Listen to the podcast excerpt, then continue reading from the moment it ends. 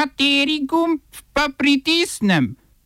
Tisti, na katerem piše OF. Polski parlament sprejel zakon o prepovedi političnega udejstvovanja sodnikov. Ruski parlament je sprejel Putinove ustavne spremembe.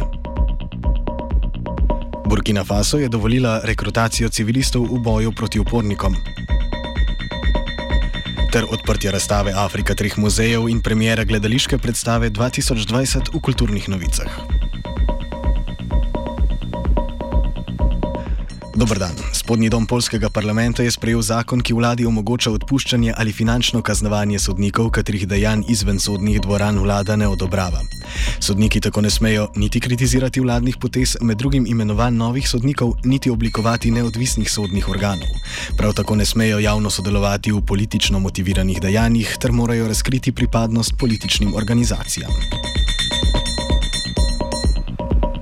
Predlagani zakon vladajoče stranke Zakon in pravičnost so kritizirali predstavniki Združenih narodov, Evropske komisije in polske parlamentarne opozicije.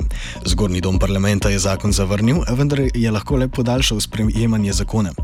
Vladne argumente za sprejetje zakona sta bila potreba po odstranitvi maloštevilnih sodnikov, ki so začeli svojo funkcijo v času Sovjetske zveze in potreba po zatrtju nespecifične anarhije sodnega sistema. Zakon mora podpisati le še predsednik Andrzej Duda, ki je že izrazil podporo zakonu zakonu.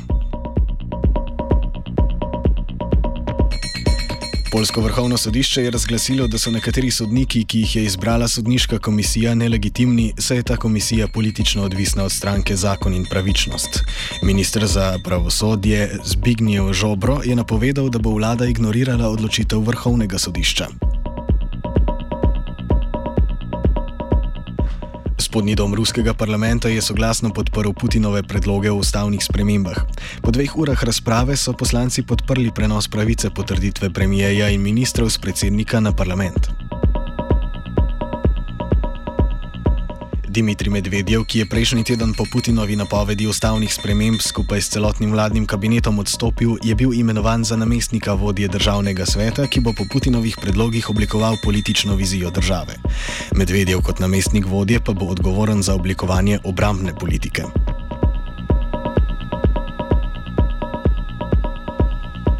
Predsednica Evropske komisije Ursula von der Leyen in predstavnik Evropskega sveta Charles Michel sta opravila formalnost podpisa dogovora o izstopu Velike Britanije iz Evropske unije. Ratifikacija dogovora v Evropskem parlamentu je predvidena za naslednji teden pred datumom izstopa, ki je 31. januar.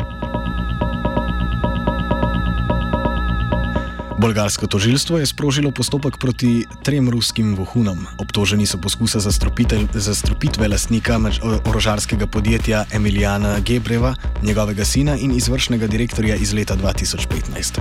Po poročanju časnika New York Times so obtoženi pripadniki enote 29155 skupine ruske vojaške obveščevalne agencije, ki je odgovorna za izvajanje atentatov in je izvedla zastrupitev nekdanjega ruskega vohuna Sergeja Skripala. Bolgarija v nasprotju z mnogimi drugimi evropskimi evropskimi državami po zastrupitvi Skripala leta 2018 ni izgnala ruskih diplomatov in je zaprla preiskavo zastrupitve Gebreva. Po predstavitvi britanskega raziskovanja o aktivnosti enote 29155 pa je tožilstvo primer ponovno odprlo. Parlament Burkine Faso je vojski odobril možnost vključitve civilistov prostovoljcev v boj proti oboroženim skupinam. Parlament je ukrep, po katerem bodo prostovoljci lahko sodelovali z vojsko po dveh tednih urjenja, sprejel zaradi pomankanja vojaškega kadra, ki kljub vojaški prisotnosti Francije in Združenih držav Amerike ne obvladuje celotnega območja države. Vojska tudi želi, da se ti prostovoljci ne prelevijo v milice, ki bi delovale izven državne vojske in bo to, ali civilisti vstopajo v vojsko s pravimi nameni, preverjala z moralno preiskavo preiskavo.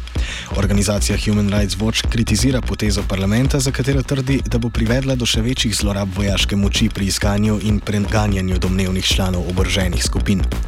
Organizacija namreč opozarja, da vlada ne preiskuje vojaških zločinov, kot je bil poboj pastirjev etnične skupine Peopal, ki jih je vojska obtožila podpiranja oboroženih skupin.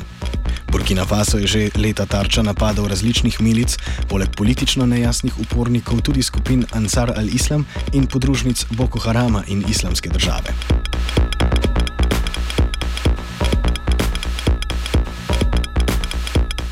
Ameriška vlada poskuša omejiti to, kar sama imenuje turizem rojstev. Notranje ministrstvo je uradnikom, ki podeljujejo vizume, dodelilo moč prepovedi potovanja nosečnicam, za katere sumijo, da želijo odpotovati v Ameriko, da bi tam rodile. Otroci rojeni v Združenih državah namreč avtomatično pridobijo ameriško državljanstvo. Odločba notranjega ministrstva neargumentirano trdi, da turizem rojstev predstavlja grožnjo državni varnosti ter da je povezan z mednarodnim kriminalom. V podporo citirajo aretacijo nekaj posameznikov, ki so za plačilo več tisoč dolarjev poučevali nosečnice o tem, kako vstopiti v Združene države Amerike, saj so bili izdajatelji vizumov že prej sumničavi do nosečnic. Ženske bodo zdaj morale dokazati, da v primeru, da v ZDA potujejo zaradi potrebne zdravstvene oskrbe, ta ni bila dostopna v domovini.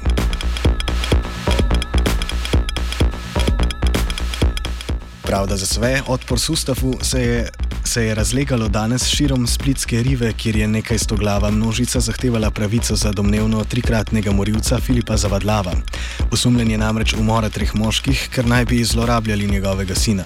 Javnost preoprašuje predvsem sumljivo dogajanje ob aretaciji, saj so Zavadlava pripeljali v zaporniško bolnišnico, medtem ko so tri osumljence izpustili na prostost.